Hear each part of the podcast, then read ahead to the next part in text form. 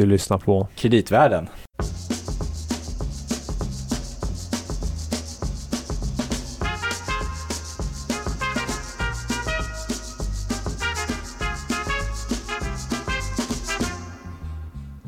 The point is, ladies and gentlemen, that greed, for lack of a better word, is good.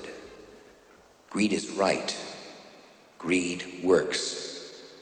Greed clarifies, cuts through, and captures the essence of the evolutionary spirit. Greed in all of its forms. Greed for life, for money, for love, knowledge, has marked the upward surge of mankind, and greed, you mark my words, will not only save Teldar paper, but that other malfunctioning corporation called the USA.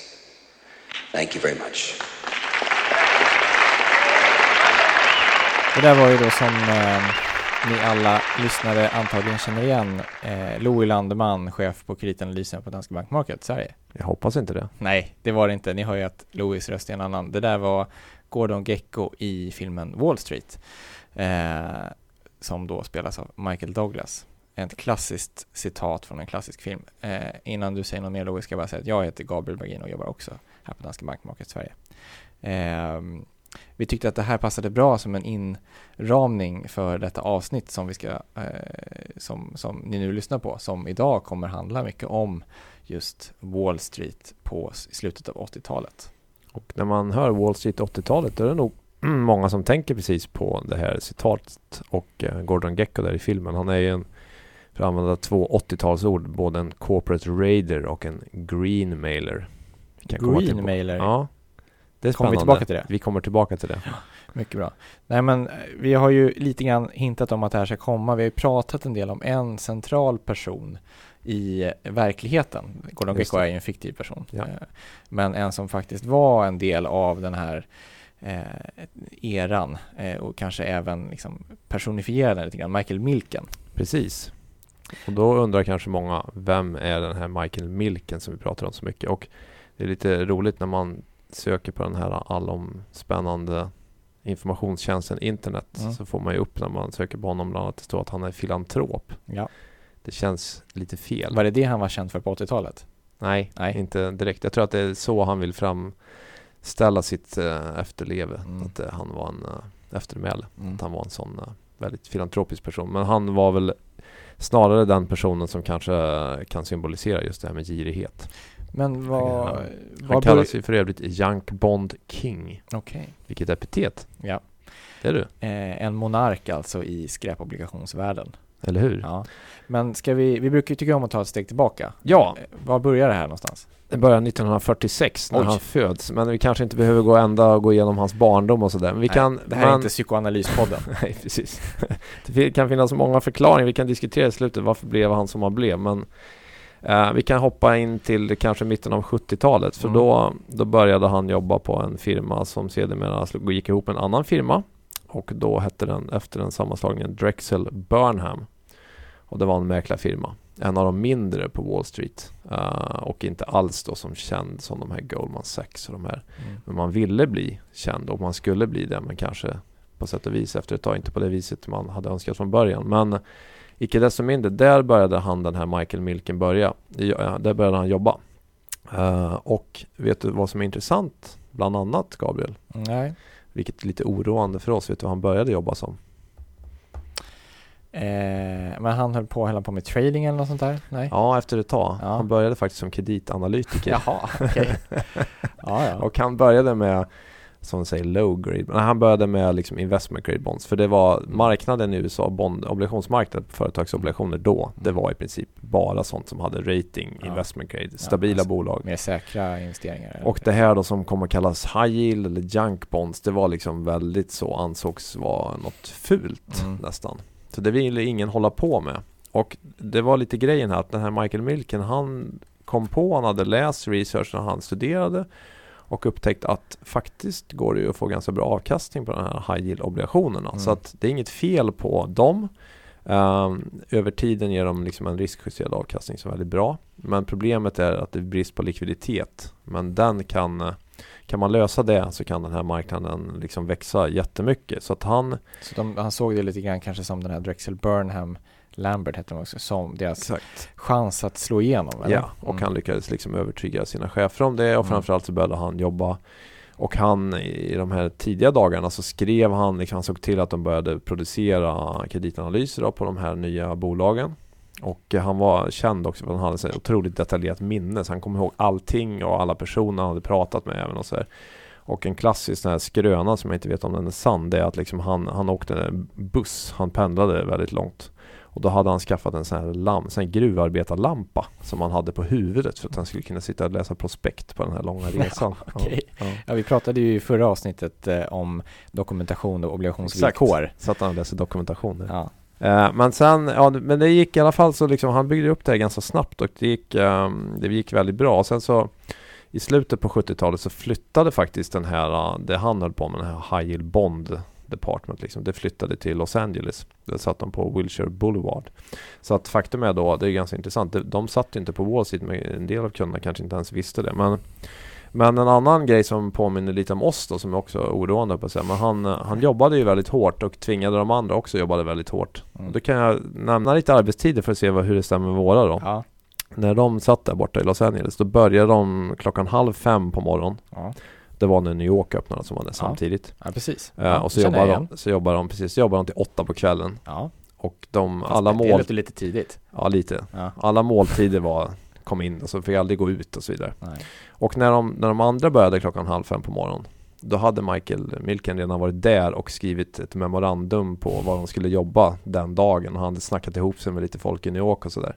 Så då låg det alltid redo när de kom in. Ja. Och sen för att liksom illustrera lite grann hur han var som person så han var här perfektionist och så. ehm, och då var det någon som någon sa så här, du, du ger inte så mycket beröm, det är lite tråkigt, det blir så negativt. Mm.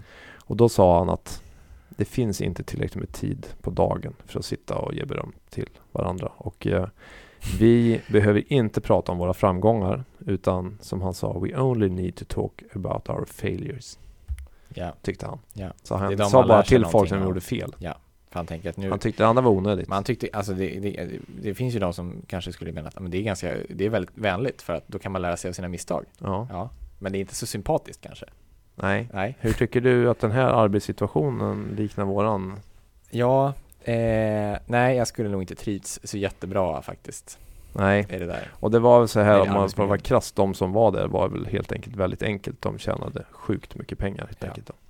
För att då när de andra så att säga eh, Wall Street-bankerna inte höll på med det här så tog de här på Drexel då en jättestor marknadsandel. Så de hade i slutet på 70-talet tror jag, typ så här 25% av hela marknaden. Mm. Och fortsatte att hjälpa de här små bolagen få finansiering och hans rykte liksom växte undan för undan. Och så Mm. går andra historier då att eh, liksom, ja, det var något bolag, MCI tror jag, som behövde få in pengar. De behövde få in en miljard dollar och det fixade han på en timme genom att sitta och ringa i en massa telefonsamtal. Och det sägs att han ofta hade så här, två telefoner samtidigt som han pratade med. Alltså. Ja. Så att han blev ju då notorisk och firman blev att man visste att ja, men de här på, på Drexel, de Mm. kommer att kunna De levererar. de levererar. Mm. Och de blev även kända för att de skrev ut någonting som det kallades för Highly Confident Letter. Det, det var en sorts brev som de skrev att de committade sig till att vi kan, kommer att kunna få in pengar. Men det var egentligen inget, ingen legalt commitment. Men Nej. det här pappret ansågs liksom att um, Milken, han misslyckades aldrig. Så fick man det där brevet från Dexel, då visste man med det i handen så här, okej nu kommer jag kunna göra det här förvärvet eller det här uppköpet. Mm. Eh, och, och det kommer liksom att, eh, att fungera då. Men när du säger uppköp då, visst var det så att under den här perioden så växte det också fram en viss typ av investerare eh, som Drexel Burnham då fick eh, en väldigt bra position mot just för att de hade möjlighet att låna upp väldigt mycket pengar även om liksom skuldsättningen i bolaget skulle bli väldigt hög då. Det är helt riktigt för att det var ju, dels var det mindre företag som lånade pengar så här och sen så var det då den här riskkapitalbranschen som du säger som började växa väldigt mycket och då vad som blev mer och mer vanligt då, att vad gjorde alltså så här skuldfinansierade utköp? Det, vi har pratat om det i tidigare avsnitt ju, Mm. sådana här LBOs, leverage buyout och eh, jag har sett någon siffra på att mellan 70 1979 till 1989 så gjordes det över 2000 uh, sådana här LBOs Mm. leverage buyouts som var på mer än 250 miljoner dollar. Mm. Eh, och de, dessutom då så var, tror jag att det fanns eh, i slutet på 80-talet typ så här 650 typen, 650 stycken sådana här typer av fonder som ägnade sig åt att försöka liksom göra den här typen av lönsamma. Ja, och då var det väl ofta då den här typen av väldigt flexibla liksom fonder som hade väldigt mycket pengar i ryggen Mm. tillsammans med bolagets ledning också Ja, exakt. som, eh, som köpte det från aktieägarna då. Ja, och vad som också hände var liksom att, um, och när vi pratade om förut om de här termerna, green mail och liksom det här med att man har corporate raider och sånt där. Det var ju att de, när man liksom gjorde de här förvärven så hängde det ihop samtidigt med att de som satt och, och handlade i till exempel aktier på Wall Street de kunde tjäna väldigt mycket pengar om de kunde få nys om att det här bolaget kanske kommer att bli uppköpt, det kommer en hög budpremie. Om jag Mm. köper aktierna innan så kan jag tjäna mycket pengar. Ja.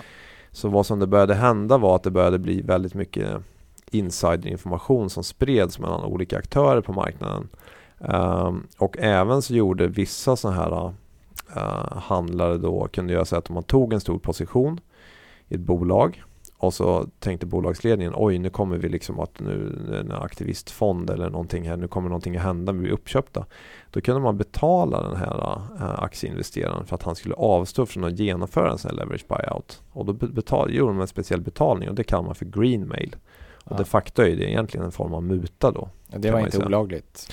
Nej, det var ju det som var eller olagligt. Alltså det var väldigt mycket som var liksom på gränsen Mm. till vad som var lagligt och mycket var olagligt. Av den här, vilket ska, skulle visa sig så småningom. Mm. Men det, många av de här sakerna var ju också väldigt svåra att bevisa. Mm. Det var väl i början då det, någonting som stoppade. För ett exempel med, med Michael Milken och det han gjorde. Han tände ju verkligen på alla regler egentligen tror jag från första början. Mm. Så han såg väl regler som någonting som bara hindrade liksom en fri marknad. Men att liksom komma så långt till att man verkligen kunde fastslå att han hade gjort någonting fel, det tog väldigt lång tid. Då. Vi kommer väl tillbaka liksom och prata lite om det här med insider-tradingen och vad som hände där sen. Men eh, de här skuldfinansierade uppköpen, de växte och växte och växte. Mm. Vi pratade i förra avsnittet på slutet om den här boken och filmen som heter Barbarians at the Gate. Ja. Som handlar om ett av, eh, eller ja, det största utköpet. Exakt. Eh, Då, då i alla fall. Det är ju en ganska spännande historia också för att man förstår ju att det är ju den här, ofta, var ju ofta de här typerna av fonderna som, som hade, som liksom pitchade till bolagsledningen att det här skulle kunna vara ett sätt att, för dem att till exempel också tjäna pengar Mm. eh, och slippa då vara beroende av aktiekursen och hur den går. Sli- Slippa vara börsnoterade. Ja, exakt. Mm. Och den utökade insyn som det innebär. Mm. Ja. Vi skulle kunna ta några exempel bara för att illustrera lite grann. Exakt, Ja. från den filmen. Ja, för det är ju precis. Och den filmen, det får man ju komma ihåg att det är ju inte en, en dokumentär utan det är ju en på snudd till komedi. Det kanske är om man är väldigt bra. Tra- en tragikomisk komedi. Vad tragikomisk, en grekisk komedi. Ja. Eh, om man är eh, kanske branschskadad kanske det är en komedi, annars kanske den är ganska tråkig. Men ska vi ta något klipp? Eh, Mm, precis. Och här, här- är det väl eh, Det man ska komma ihåg i den här, fil- eller filmen då så är det väl så att han som är VD som heter Ross, eh, Ross Johnson Han framstår ju ändå som ganska gemytlig Men sen så finns det ju då den onde i filmen Det är ju då Henry Kravis som är en av de här partnersna på KKR Col- Colbert Kravis Robert, en av ägarna Som är en, eh, en sån här riskkapitalfirma. Och det han, han vill då köpa Ja. eh, Så här har vi då Ross Johnson, VD på det här bolaget, som i, eh, på en förtrolig middag pratar med den här riskkapitalisten. Mm. Och allra först hör, så hör vi Ross Johnson. People still think of us as a, only a tobacco company. They're so scared we're going to get sued out of existence, it just murders us. There is a cure for that. Oh, that LBO stuff's way over my head, Henry. I just can't follow it. You don't have to. Bankers and lawyers work it all out. Well, all I want from bankers is a new calendar every year, and all I care about lawyers is they're back in their coffins before the sun comes up. Everyone benefits when management takes over. It's simply a question of arriving at an attractive price to pay your stockholders to buy out their shares. Some of the money we borrow, some we raise from the public sale of securities. We pay off the debt incurred in buying the company with cash from its ongoing operation, and by selling off pieces of the business. That's French for firing people, isn't it, Henry? As few as possible, of course. A few dozen, ten thousand? As I said, as few as possible. I couldn't do that. I couldn't live with the fallout. I'd take care of that. You know, I don't shave your face in my mirror every morning. All that aside, I've never been a big fan of debt. Debt can be an asset. Debt tightens a company. It does wonders for the sphincter, too. Han försöker ju hårt eh, pitcha det här då att de ska göra ett utköp. Eh, han menar att det, det är bra både för bolagsledningen och för bolaget egentligen. Men han förstår ju för sig att det kommer in, innebära att bolaget får sparka ganska många människor om de tar in Mm. på sig så mycket skulder med Mm. höga räntor. Jag gillar speciellt det citatet att skulder, skulder är en tillgång. Tycker jag är en snygg, eh, en snygg fras. För sig, men, eh, det anknyter ju mm. lite grann till det vi pratat om innan att eh, alltså, eh, ett bolag med både aktiekapital och skulder och, och, andra former av kapital har ju flera olika stakeholders att förhålla sig till som Mm. kommer att vilja utkräva eh, ageranden liksom på olika Mm. sätt. Mm. Sen upptäcker han väl också den här vdn att eh, om man gör ett sånt här utköp så kan han personligen också tjäna väldigt, väldigt mycket pengar själv. Ja. Eh, och eh, vad som händer så småningom är ju att det blir ett budkrig egentligen mellan två olika konsortier där Mm. han är med i det ena och de här KKR är med i, i, det, i det andra så att säga. Ska vi höra då när de pratar om hur mycket pengar det kan handla om han och då det andra konsortiet som han samarbetar med. Mm. Mm. Då låter det så här när de, när de för första gången då ska beskriva vad priset borde vara. RJR Nabisco's shares are trading presently at 53 and an eighth. The highest they have ever been was in the neighborhood of 71. Which is where they really belong. Our proposal is, come Wednesday's board meeting, you make an offer to buy the company at $75 a share. 75? Jesus, that sounds high. It is high. That's the idea. It's got to be attractive as hell. And still makes sense to us, of course. Well, how much would that come to? At 75 a share, how much would we need to raise? We'll be looking for $17 billion. That's one piss load of money. Exactly. We'll be throwing the kind of numbers at the board that no one else In one possibly shot, can. we're knocking out any and all conceivable competition. But at that price, with that kind of debt load, how long is it going to be before your bean counters start trying to pare down the company expenses, telling me how many jets I can have and all that nickel nursing crap? Never. You run the company the way you want. You're talking total control? Absolutely. Och där hör man ju också att när, eh, när han är ute efter att han vill inte bli så kontrollerad av den här nya Nej, exakt. ägaren så Precis. kanske det inte bara handlade om alla de här anställda i bolaget. Han, han vill gärna flyga runt i sina private jets. Det är ju Exakt. såklart väldigt Mm. viktigt. Mm. Men eh, som sagt, vi ska komma ihåg i tiden Mm. eh, när det verkligen gjordes det här RJR, när Biscuit, det är en verklig historia i botten. Det var ju 1989 och det var ju också innan dess så hade vi ju den här aktiekraschen 1987 till exempel. Så att det repade sig i och för sig. Så att det här är ju verkligen sista på något vis eh, utkramningen av det sista i marknaden innan sen det började riktigt gå sämre på 90-talet. Ja, Eh, och den storleken på det här för- utköpet så småningom är ju 31 miljarder Exakt, jag tänkte dollar. säga, här har vi ju, de pratar om 75, priset 75 Mm. per aktie, men Exakt. i slutändan så landar det väl på 100, Jag tror det är 109. 109, någonting sånt där, exakt. Som KKR slänger in där på eh, slutet. så att det blev ju, det blev ett ordentligt budkrig kan man säga. Och un- det var ju lite diskussioner då mellan det här konsortiet och KKR och kanske skulle de göra någonting tillsammans eller i slutändan blev det ju då ett budkrig och KKR köpte. Men Mm. när de väl diskuterade det här då hade ju KKR ett krav eh, som också anknyter grann till lite det vi pratade om innan med Milken och sådär. Just det, precis. Det, det, det skulle vi kunna lyssna på för Mm. det knyter ihop lite med det vi pratade om här tidigare. Ja. Is that it then? Basically, those terms being acceptable? Have we got ourselves a deal here? We want Drexel Burnham to sell the bonds on this one. Instead of Shearson? They're what a deal this size needs. They won't affect your share. They work cheap and they're the best. They're also about to go before a grand jury because of their Milk and Boski connection. Just what we need, stationary from Alcatraz. Maybe you ought to think about that one, Henry. We have thought about it, Ross. With or without you, we're going for this company. We're going for RGR Nabisco, and Drexel's doing it for us. Are you firm on that? Is that a deal breaker? It is. Eh, Man hör att Henry Kravis då på KKR, de har bestämt sig för att det är Drexel Burnham som ska sälja de obligationerna. Och när den andra då säger not Shearson, då är det lite intressant att veta att det Shearson man pratar om heter då Shearson Lehman eh, och är det. förlagan till det som senare blev Lehman Brothers. Och det. Som vi alla vet hur det gick med. Just det, Mm. precis. Lite senare. Mm, lite senare. Ja, 20 år. precis. Ja. Men det, sen var det ju intressant därför att där kom det ju upp också med det här att 1989 då hade man också kommit ganska långt i de här utredningarna om alla de här insider tradingen och så vidare. Och det nämndes ju en person där som Bo Boski, Ivan Boski, jag tror att han var ryssättling. Och han var ju en sån här arbit, så kallad arbitrage trader som alltså handlade i aktier.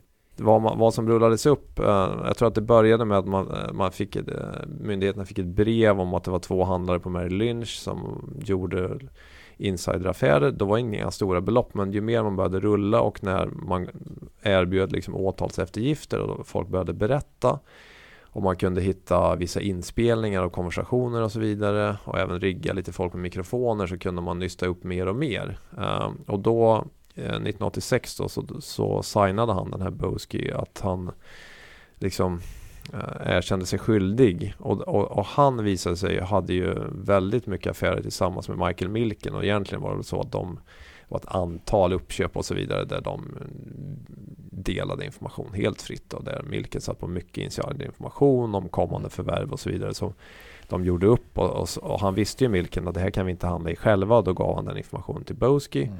som fick liksom handla uh, och hans vägnar. Uh, och sen så hade de liksom en uppgörelse hur pengarna skulle fördelas och så vidare. Ja.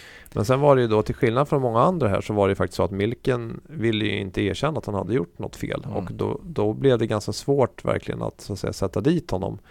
Uh, och uh, så att den här processen då går ut i flera år i tiden och uh, Drexel var ju också då diskussioner internt. Hur skulle man göra med det här? Skulle man stödja Milken eller skulle man liksom försöka signa någon uppgörelse med åklagarmyndigheterna som självklart också vill sätta dit Drexel då.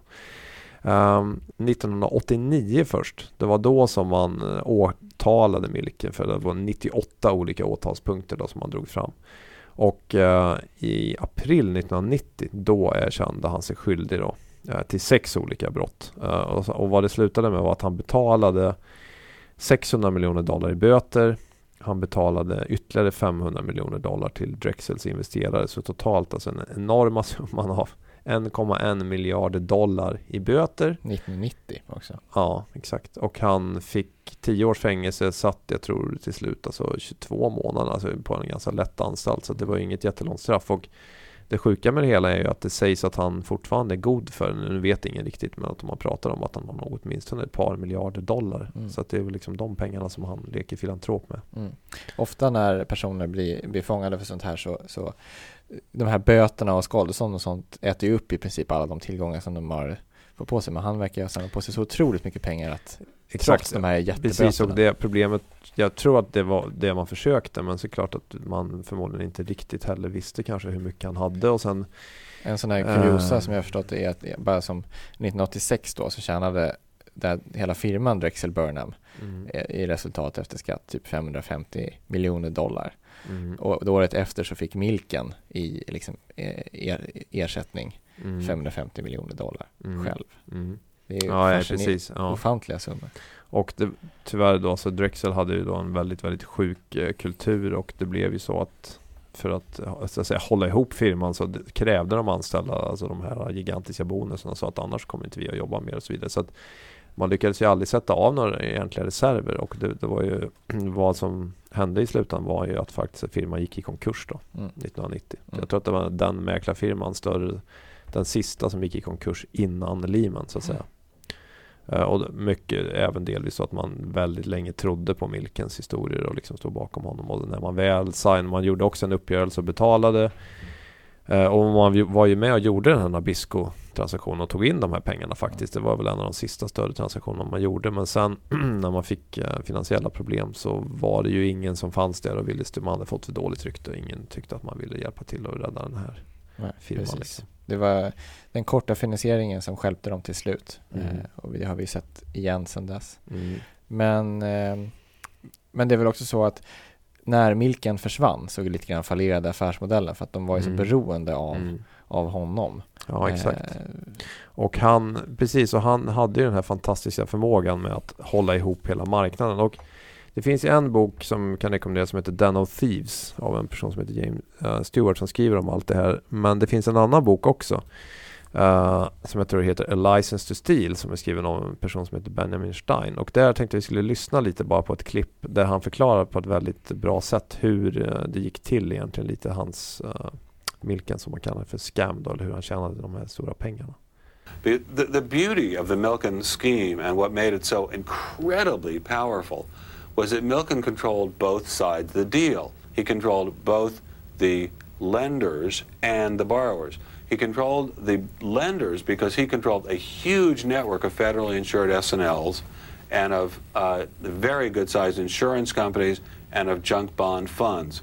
So that, for example, if you, Brian Lamb, said, I am starting the Brian Lamb Corporation, we're going to uh, market uh, fishing tackle. Nobody's ever heard of us, but uh, I'd really like to raise $200 million, please, Mr. Milken. And he would say, first of all, call me Mike. And then he'd say, well, of course we can do it. I- I'm summarizing this for you. I didn't, I'm not really quoting him verbatim. He'd say, here's what we'll do. We'll take your 100 million and we'll actually raise 120 million for you. And you would say to him, but Mr. Milken, I don't think my bond, my company will be able to support more than say 60 million. I don't think we can pay the interest on more than 60 million. He would say, in effect, no problem, Boychik. Here's what we're going to do. We'll raise the 120 million. You will use some of that excess 60 million to continue servicing the bonds, to continue paying the interest on the bonds. In the meantime, you'll take other parts of it, other parts of the money I've raised for you, and you'll buy bonds in the Ben Stein Corporation, and those will pay a very high coupon, and those will use that money to pay off the coupon on your bonds. And you would say, but Mr. Milken or Mike, who will buy my bonds? I'm a complete unknown in this field.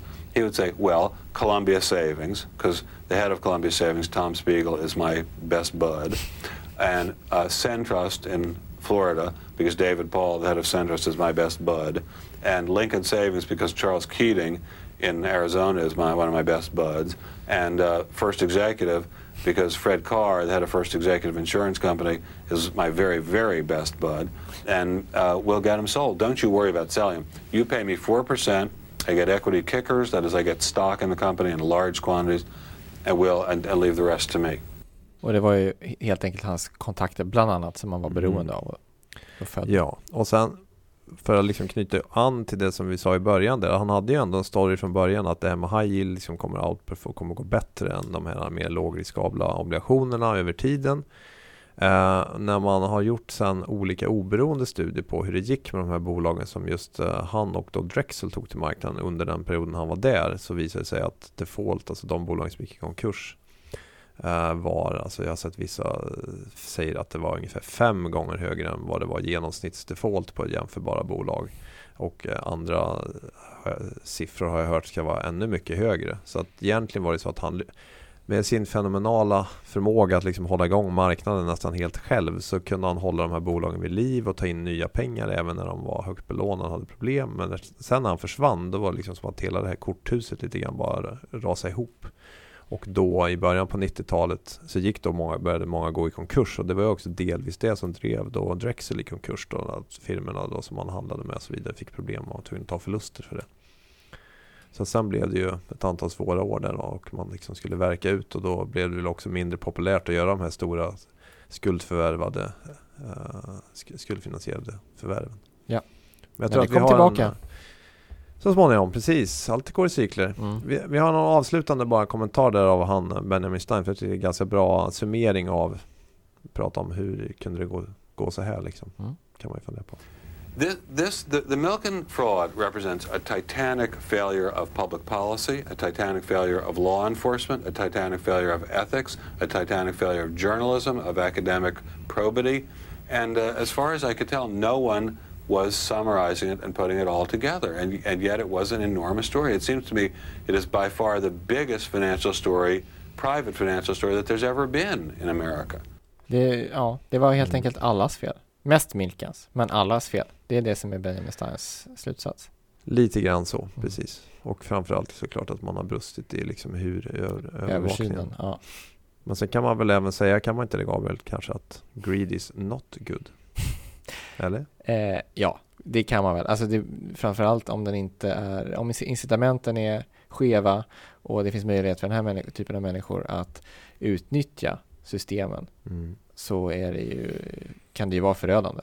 Ja, framförallt förödande för tilltron till hela marknaden där liksom att det sitter person, några personer som har mer kunskaper och som liksom kan utnyttja den till sin fördel på egentligen andras bekostnad så är det ju någonting som verkligen måste stävjas för det kan ju göra att eh, hela tilltron, självklart hela marknaden totalt försvinner. Men man kan ju re- resonera kring hur Egentligen om man tänker på siffrorna och hur mycket pengar som har tjänats. Alltså, tyvärr är det ju inte en Tyvärr är det inte en sedelärande historia eftersom man ändå slutar med att han går iväg med jättemycket pengar här. Då. Mm. Jag fick visserligen ett straff men ändå känns som att det var rätt eh, lindrigt. Om man tänker på vad han egentligen har gjort för någonting. Sen vet inte jag i och för sig hur det har gått för alla andra på Drexel Burnham men hela firman gick ju, fallerade ju till slut också. Mm. Eh, vilket väl också var någon typ av... Men liksom, ap- ja, apropå det här med, med girighet så kan man ju tänka på att det sjuka i det hela är ju att han, eh, lika väl som många andra av de här personerna som gjorde de här, eh, begick de här brotten eh, de facto, hade ju, var, hade ju varit jätterika ändå. Mm. Även om de inte hade gjort det här. Så just det här apropå girighet, varför gör man en sån här grej? Det är, jag tycker egentligen är obegripligt. Men... Mm. Ja, någonting att fundera på över sommaren. Samtalsämne runt midsommarbordet. Eller hur? Mm. Mm. Eh, Om man inte vill diskutera det pågående fotbolls-VM. Det här var ju då så kallade fallerande investmentbanker eller vad man ska man säga. Ja, eh, fondkommissionärer nästan eller Mm. investmentbanker. Det eh, är ju lite speciellt när den här typen av bolag då eh, går omkull. Det såg vi en, även med Lehman. Men vi kanske ska grotta ner oss lite mer i vad händer egentligen när en bank eller kanske till och med en stat får problem. Ja, för det ser ju lite annorlunda ut, det, det regelverket och hur man agerar och så vidare jämfört med ett företag. Så tycker Mm. jag väl det är jättebra. Kanske ett, kanske till och med två om man gör någon, någonting Ja. med banker och stater. Men, Ja, men det kanske blir lite, vi får väl se när det blir. Nu börjar sommarledigheterna infinna sig och eh, eh, det är frågan om du och jag får träffas mycket alls. Jag tror att våra semestrar överlappar ganska mycket också. vi kanske får fira semester tillsammans. Så vi får vi. göra en podd. Spela in poddar.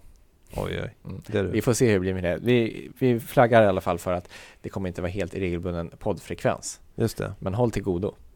Får vi säga. Precis. Precis. Kan väl för övrigt även passa på att tacka Berit Bering här på Ja, Danske Bank Markets som tipsade om det här med Michael Mirken. Ja. Inte så att hon känner honom, ska jag säga. Men hon tyckte det var intressant, så att, eh, tack vare henne som vi har pratat om det här idag, ska jag säga. eh, vi kan väl avrunda där.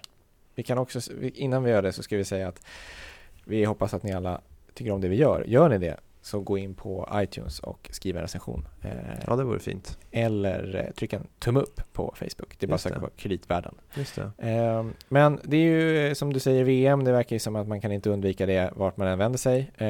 Så att även här så får det bli en liten referens. Och vi har ju en, eh, en av våra mest hängivna lyssnare, Du tänker på Tom, ja. Ja. Just det, ja. Tom, Han, han gillar ju Herb Albert. som har gjort vår vignett och avslutningsmusik. Så till hans ära så eh, spelar vi en annan Herb Alpert-låt. Och det är lite passande tycker vi då. För Ja. den, den här heter nämligen Brasilia. Ja.